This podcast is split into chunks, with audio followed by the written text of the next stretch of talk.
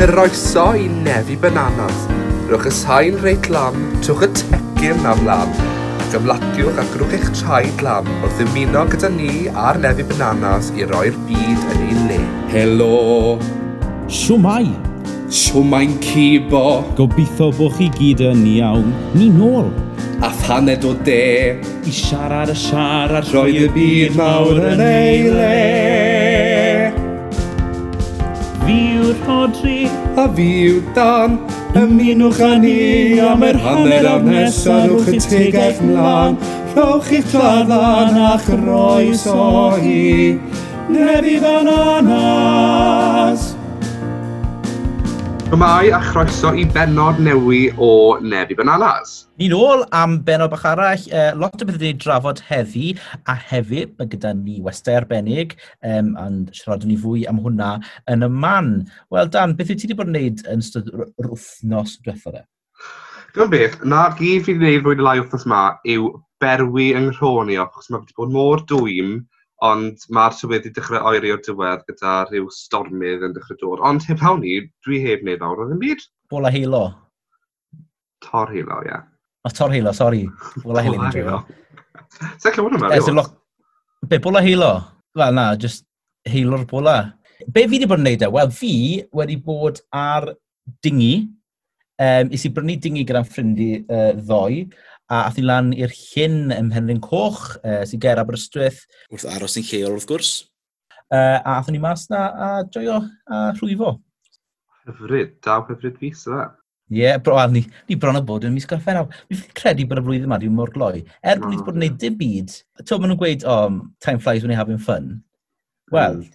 to, ni wedi bod yn gwneud dim byd am amser yn hedfan, so sa'n credu bod os be chi'n gwneud Erbyn hyn, mae popeth na ddigwydd hmm. cyn y clo mawr ma yn teimlo fel blwyddyn wahanol neu cyfnod gwahanol.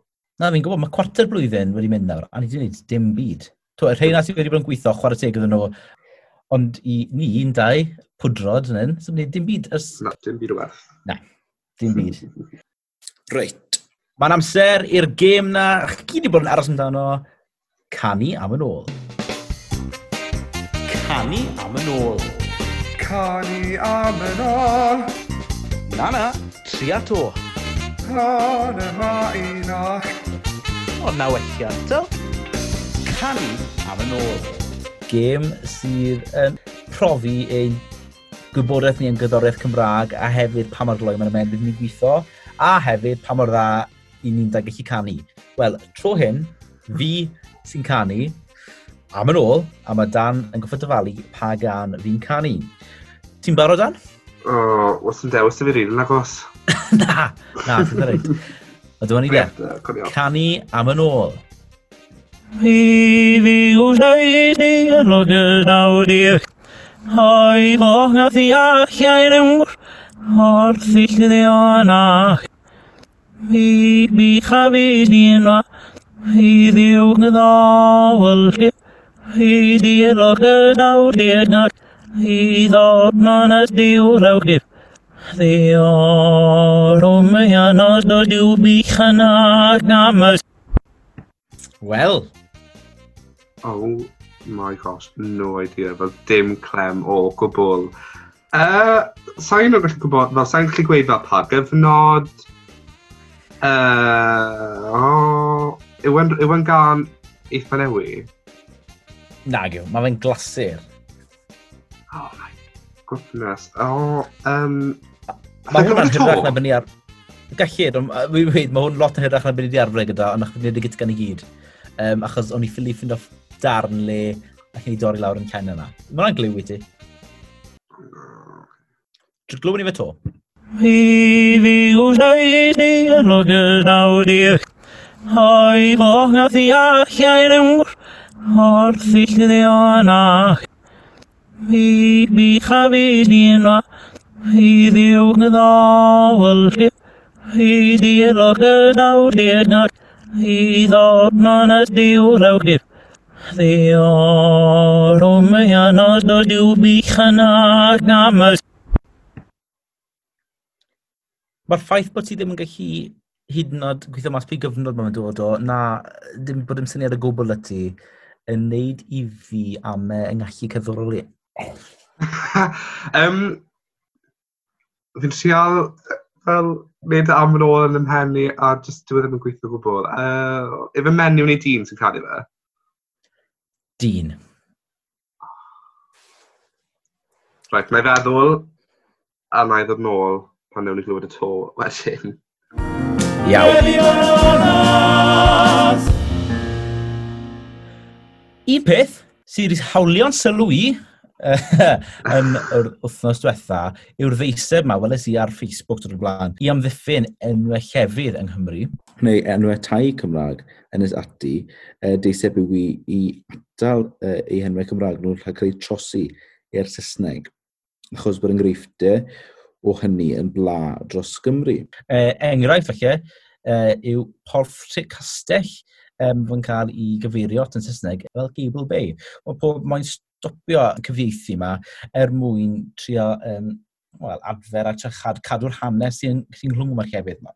Ie, yeah, felly fel ni, falle sy'n siaradwyr Cymraeg, mae fe'n eitha anodd i ni ddeall allai pam bydde pobl yma'n neud, achos i fi, bydde newid nhw i'r Saesneg yn anharddu'r drefftadau sydd yn ni'n barod, achos mae fe'n rhan natod o Gymru.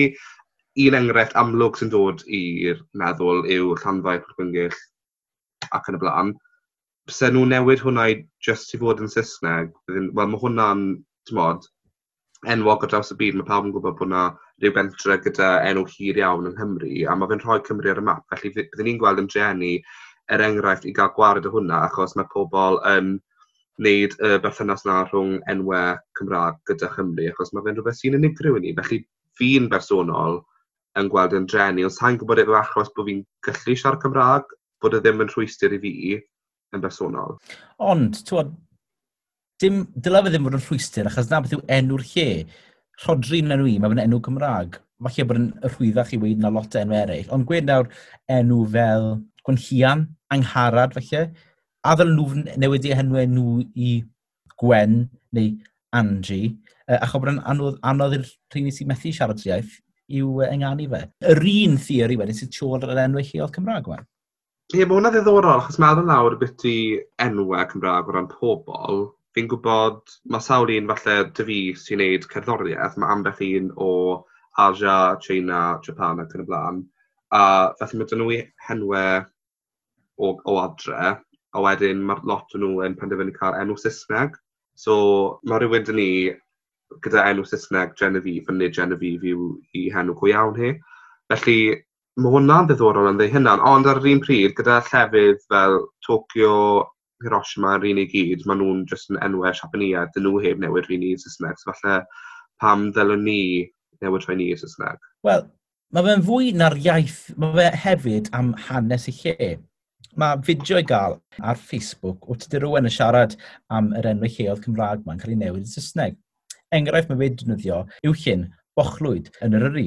Felly, Wrth i ni feddwl am rywle fel Llyn Bochlwyd, mae yna hanes yn perthyn i enw lle. Felly, yn ôl um, y chwedle, oedd yna hen garw llwyd oedd e'n trial dianc rhag heliwr, ac yn wirthiol nath e ddianc trwy neidio i ryw uchderau mowr mewn rhyw lyn a dechnofio i ddiogelwch wrth ddal i foch lwydau ar ben wyneb y dŵr er mwyn anadlu, felly mae yna hanes yn perthyn i'r enw Lochlwyd. Nawr, er mwyn newid e i'r Saesneg, mae llyn yn, yn ôl pob sôn yn edrych bach fel amlinelliad Australia, felly maen nhw wedi newid e i Lake Australia. A mae hwnna yn destun dicter i'r comediwr Tudur Owen, sy'n gweud bod wneud hyn yn cael gwared o'n hanes ni. Hyd yn oed nawr ar Google Maps, Lake Australia yw'r enw, dim llyn bochlwyd. Mae fe'n cael gwared o'n hanes ni, achos dos dim ystyr ystyrtiolir yr enw Lake Australia, gwbl nagos. Na. A fe, fi'n meddwl, nawr fi'n meddwl amdano fe, yn amlwg mae mapiau mwy diweddar di newid i Lake Australia, ond gwed se rhywun gyda hen fap yn wedig pobl sydd falle o'r to hun, a maen nhw'n penderfynu bod nhw'n moyn mynd i ymweld â llyn bochlwyd, maen nhw'n teip mewn i'r GPS, i'r satnav, i'r tom-tom, beth bynnag, llyn bochlwyd, beth dim byd yn dod lan. Ww, ti'n meddwl yn ddwys nawr? Um, fi'n meddwl am y twristiaeth, mae fe'n drenu, siom iddyn nhw bod nhw methu a ymddiddori yn hanes lleol yr ardal.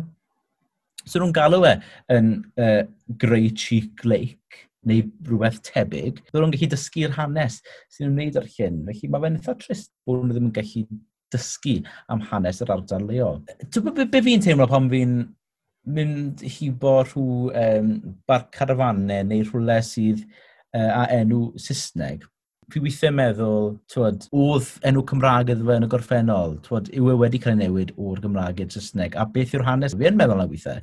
Twod, fi'n gael rhyw, twod, Sunview, Caravan Park, oedd enw ar y lle na cyn ni, a di gobeithio bod na. Ond ar y llaw arall, um, wedd hawl cael arwyddion dwyieithog o 1965 ymlaen, a oedd hwnna fwy neu lai yn unol gyda ddeddf i'r iaith Gymraeg, lle y bwriad wedd bod yr iaith Gymraeg a'r iaith Saesneg yn gyfartal bod ddim un yn cael ei ffafr dros y llall.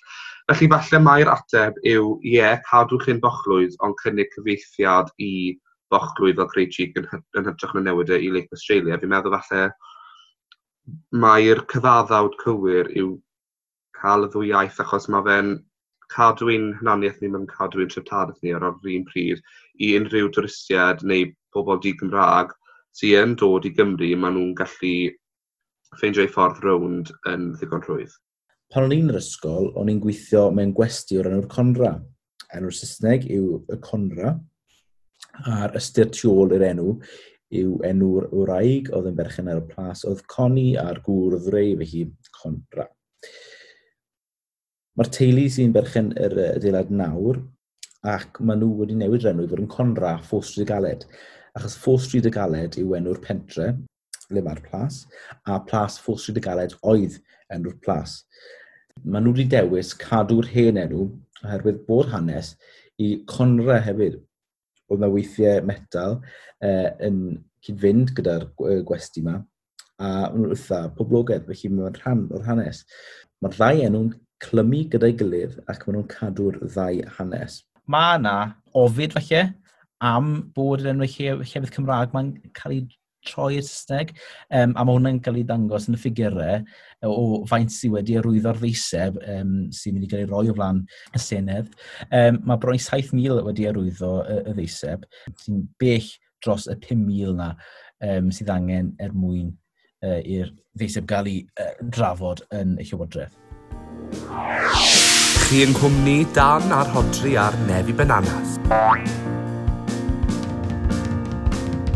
Wel, mae'r clo mawr wedi rhoi cyfle i bobl yn greadigol iawn, a un o'r bobl creadigol hynny yw Dewi Morris. Mae fe wedi dechrau well, cilchgrawn ar-lein o'r enw Cocoen. Os ddim fi siarad mwy amdano fe, mae Dewi fan hyn gyda ni. Siw mae Dewi ti'n iawn? Helo, ie, yeah, good diolch. Fi'n joio'r enw. To be, o'n i'n meddwl gyn uh, dim ond Dewi Morris lle defnyddio rhywbeth mor gas a wneud yn rhywbeth mor neis. Pam yr enw Cocoen? Hwna'n cwestiwn da. Um, dim really rheswm i gael, mewn ffordd, just enw, o just worth catchy o'n i'n meddwl. Beth yw Cocoen? Um, so, online magazine neu fel rhywbeth o blog we, um, just er mwyn dathlu creadigrwydd a bwyd a celf o amgylch Cymru. Nyn ar syniad, anyway, gan i weld beth wnaeth y troi mas i fod. Dim lot na i dechrau da, ond gobeithio mewn cwbl wythnos eraill by mwy. Se o'n i'n gobeithio fel yn y cwbl wythnos nesaf siarad â gwahanol pobl a artistiaid a pobl sy'n cyginio o rhwng Cymru. Ie, yeah, gwneud cwbl o darnau amdano nhw beth maen nhw'n wneud, so ie, yeah, gobeithio bydd yna lan yn y wythnosau nesaf yn mwy. Um, a mae cwbl o reseitau yna yn barod, um, ond ie, yeah, fydd mwy yn dod. Mae gyda ti uh, erthygle neu bara neu mojitos, ti'n fwy am fwyd a diod yn amlwg, ac yn byw yng Ngheredigion, mae bwyd yn rhan mowr o dy fywyd i fi'n cymryd. Ie, yeah, yeah, joy coginio. So ie, yeah, just yeah, cwbl o pethau kind of dechrau fel ffordd hwnna, ond gobeithio bydd mwy o pethau falle yn dod cyn bo hir. Pryd ges ti syniad yma de? Pryd, pryd dath y syniad yma? Reit, oh, ni'n cilch grawn. Yn bach yn embarrassing bod mwy hir yn ôl fe. Oedd e cyn lockdown, really. Just cyn i lechrau, Um, dath syniad, a mae wedi cymryd nes nawr i dechrau fe'n iawn, really. Ie, yeah, a mae gwaith coleg wedi bod yn garanti fusi nawr yeah, a nawr yeah. amser ti. Felly mae'r clo mawr neu'r lockdown yma wedi bod yn eitha handi ti de, yn eitha bendithio bod ti wedi gallu yeah, dechrau hwn off. Ie. Yeah. A wedyn pan yeah. popeth ti llacio, allai ti fynd ati i wneud beth Ie, yeah, actually. Ie, yeah, mae wedi bod yn perfect timing, gweud gwir. Gwych, bach yn glwyd. Felly, o ti'n meddwl falle oedd rhyw fath o gap yn y market, os lygu ti, o ti'n meddwl fel o ddim byd fel hyn i gael o'r blaen, efo na pham ti wedi mynd ati i wneud y cylchgrawn? Ie, yeah, so i credu fod dim byd uh, dwyieithog, cos fi credu allai bod cwbl o pethau jyst yn Cymraeg yn jyst yn Saesneg. Um, os dim byd, falle dwyieithog a dros Cymru yn edrych ar pethau credigol sy'n meddwl. So, ie, yeah, bach o gap yn y market, fi credu. O ran lot o bethau i wneud o'r cyfryngau, mae fe fel arfer mae'n cael yeah. un iaith neu llall, sy'n lot yn y ddwy iaith. Felly, na fi yn meddwl bod ti'n iawn, falle bod ddim byd lot um, yn ymwneud gyda'r ddwy iaith. Felly, dwi'n meddwl bod yn uh, syniad da. Wyt ti moyn i bobl gyfrannu hefyd yn wyt ti, yn bwy bynnag iaith yn Gymraeg? Ie, os bod Na'r syniad, anyway. E, newydd dechrau, wrth nos diwethaf ath y mas, fel online. Gobeithio bydd pobl eisiau gyfrannu cyn hir. Gyda'r gyda pobl yma ti'n moyn i gyfrannu, felly mae hynny'n mynd i rhoi bach o hwb i ti yn y dyfodol. Sio ti'n meddwl ti'n mynd i allu gario hwn mlaen pan ti'n mynd nôl i brifysgol? Ti'n mynd i ddibynnu mwy ar gyfranwyr? Um, pobl moyn cyfrannu, go for it, ond na, jyst gweld fel eitha nawr, falle, jyst cario mlaen fel faint ni gallu, really. Wel, seithau. Erthyglen unig neu wyt ti'n gweld falle dyfodol i fideos a bethau ar y wefan? Ie, yeah, gall fod. Um, just erthyglau sydd na at the moment. Na, na gyd yw'r plan, ond gall fod mwy yn dod falle. Wel, dim ond un wythnos i wedi bod, so ti'n modd, mae'r um, dyfodol yn dyddwylo di. Yeah. Um, Mae rhyw fath o aralleiniad o'r gan. Fi'n gwybod Lenny ar gyfer cyfydau, felly dwi ddim yn amser gorau trio ffindo pethau newydd, ond wrth i'r rheoliad yma cael ei llacio, ti'n meddwl bydd mwy o gyfle i ti wedyn fynd allan a gwylio um, cyddoriaeth byw ac ati a uh, cyfnodi rheina yn cogoen? O oh, ie, yeah. yeah, definitely. Mae'n rhywbeth o'n i eisiau gwneud, really. O'n rhan o'r plan cyn i lockdown dechrau, a wedyn dechreuodd lockdown, a so, heb wedyn ni lot yna, ond gobeithio bendant pan bydd pethau'n llacio, lle ni'n mynd mas a ddim mwy o cynnwys wedyn.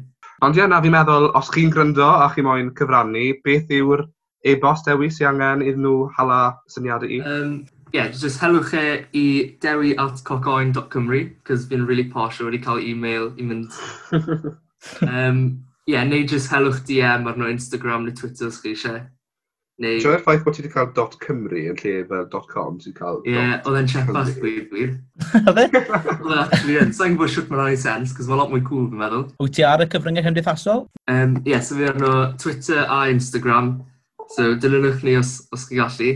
Coc oen mag yw enw fer ar Instagram. So, os bwch chi ar Instagram, give it a follow. Dilynwch, cyfrannwch a coc oenwch. Um, ti'n meddwl fyd o ran y cyfranwyr, wyt ti'n meddwl ffocysu ar oedran ni yn unig, neu ti'n meddwl bydd pawb o 5 i 80 yn gallu cyfrannu os maen ymlaen? Ha, gall unrhyw'n cyfrannu os maen nhw eisiau, so mot beth yw oedran nhw. Ie, yeah, unrhyw'n. A ti'n neud hwn i gyd ar dy ben dyn anwyd? Uh, so far, ie. Yeah. Ond, ie, yeah, gobeithio bydd pobl, os maen nhw'n moyn cyfrannu, allan nhw. Mae jyst slow bach, falle bydd un neu doi peth pob wythnos, jyst cadw fy mynd. Briliant. Wel, diolch ti Dewi am uh, ddwy ymuno dyn ni heddi ar nefyn yr anas, um, a gobeithio, gwn ni sgwrs bach arall rhywbeth o. Ie, yeah, definitely. Wych, diolch yn fawr ti. Tra. Canu am yn ôl. Chi Dan, ti ar rhyw fath o syniad? Sy'n claf, dyn ni? Efe Karen Parry Jones, na? Na. Ti'n clywed eto? O, hang o, wedi ti dîm, hango wedi ti Karen. Efe Hugh Chiswell, yw e? Na, ge. Bryn Fawn? Ie. Yeah. Um, yn ceirwad yn y fe? Gawn ni weld. Dyma gan a chi bwyd o donau y mwroedd. Fe gwelwyd yn o'n boddi, gan geidwad y goleidi. Fe clywodd yn gweiddi, a wneud i fach i bi. Can oedd yn llithro, rhwng wiriau llaeth anghofio, ceidwad y goleidi a dwi fi. Gest ti fe? A bod a complete guess. Allai addo ti, tan nes i feddwl am Bryn Fwn, wedyn ddath o'n i fel, o, oh, ceidwad y goleidi yw e. Ond, o, oedd yna, oedd yna dda. Mor teg, oedd yr graddwyr canu. Oedd yna'n anodd. Wel, unwaith wedys i bod yn gitgan i yna'n yn hir, o'n i fel, wel, mae ceidwad goleidi gyda chydan eitha hir, so hwnna oedd gesti, yn wedi sy'n weithio mater Bryn Fôn o fe. Nawr, dy dro diwedd nesa i neu'r beth hyd yn oed yn rwddach yna. Waw, reit, oce. Okay. Oh, pwysau ymlaen, de, ond um, na. Fi'n fel ces i hwnna, achos i'n dechrau ofni y tro cyntaf o'n i fel sy'n clem dy fi, ond Ges i fyny iawn yn diwedd. Nawr, mwy o canu am yn ôl y tro nesaf. Felly, mae'n amser nawr, fel wrthnos fatha, i wneud Dyfalu'r dafodiaith. Dy-a-lu'r dafod, dy-a-lu'r dafod, dy-a-lu'r dafodiaith. Felly, y gair cyntaf sydd fi i ti yw mela. Nawr, mae hwn yn berthnasol achos mae fe'n dod o dde Ceredigion ac wrth gwrs mae mae'n gwestiwn ni heddiw Dewi Morris yn dod o'r ardal ni. Felly, be ti'n meddwl yw mela? Mela? Do, be ti'n meddwl yn, yn syth i'r wedyn ni gyda mel? Rhywbeth... Wel, mae fe'n ynwe. Dyfyn? Ie, yeah, iawn, oce. Okay. Um,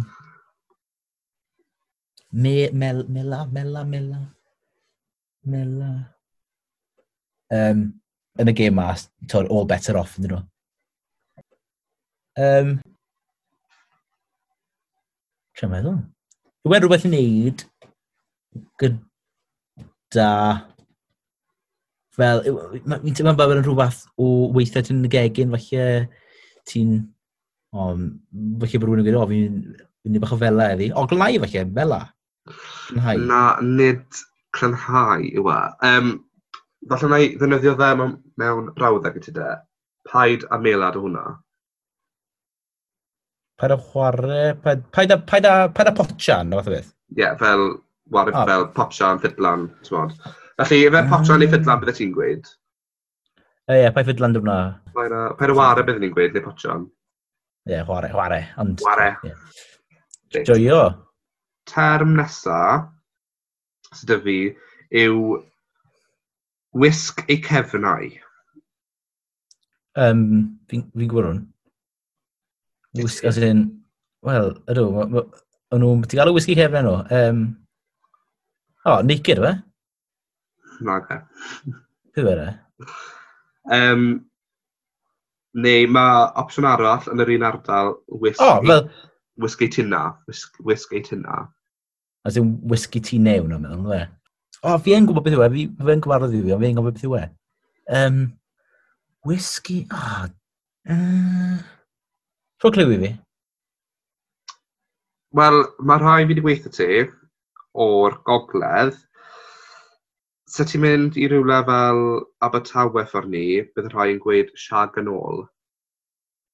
Siag yn ôl? Siag yn ôl. Mi'n siŵr... Achos... Ond hwnna...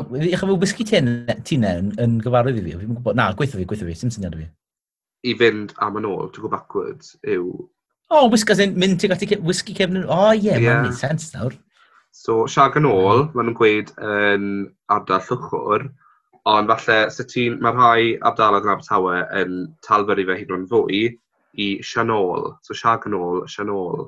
Diw, diw, diw, diw. A mae hwnna, i fi, mae hwnna'n ei synwyr, achos meddwl am Tom O, ffrind i ni sy'n dod o Abertawe, bydde fe yn Saesneg os yn gweud, oh, when are we going to shag off them? So, i fynd rhywle. Felly, mae falle bod y syniad o shag yn rhywbeth wneud i fynd rhywle, felly shag yn ôl. Um, ond yn y gogledd maen nhw'n gweud whisky cefnau neu whisk eitina, ond yn ardaloedd fel Jefach fel Indra, sydd ddim yn bell ohono ni, bydden nhw'n gweud whisk yng Nghefen. Felly, yr un fath o syniad. Wel, dysgu rhywbeth newydd bob dydd. Ti'n gwybod be, mae'r rhaglen y heddi wedi droi yn fath o raglen ieithyddol, ynddo e? O, di, mae wedi bod yn um, ffocws mawr ar yr iaith Gymraeg heddi. Uh, Dyw hwnna ddim yn mynd i barhau bob tro, ond um, ni wedi joio. Ynddi, ni wedi cael diwrnod, diwrnod gwerth chwil yn siarad. Malu awyr fel bob tro. uh, sorry, cael ymlaen. Wel, fyddwn ni'n ôl wythnos nesa, uh, os ydydd popeth i gynllun. Um, a yn ymuno gyda ni bydd Malan Fôn, sy'n newydd rhai sengl newydd Busy Bee, felly bydd ddiddorol clywed ganddi hi. Beth sy'n gyda ti ar y gweithio nesaf, Dan? Dim. Um, um, mae rhaid bod rhywbeth ddim on. Um, um, um, um, um, um, um, um, um, um, um, um.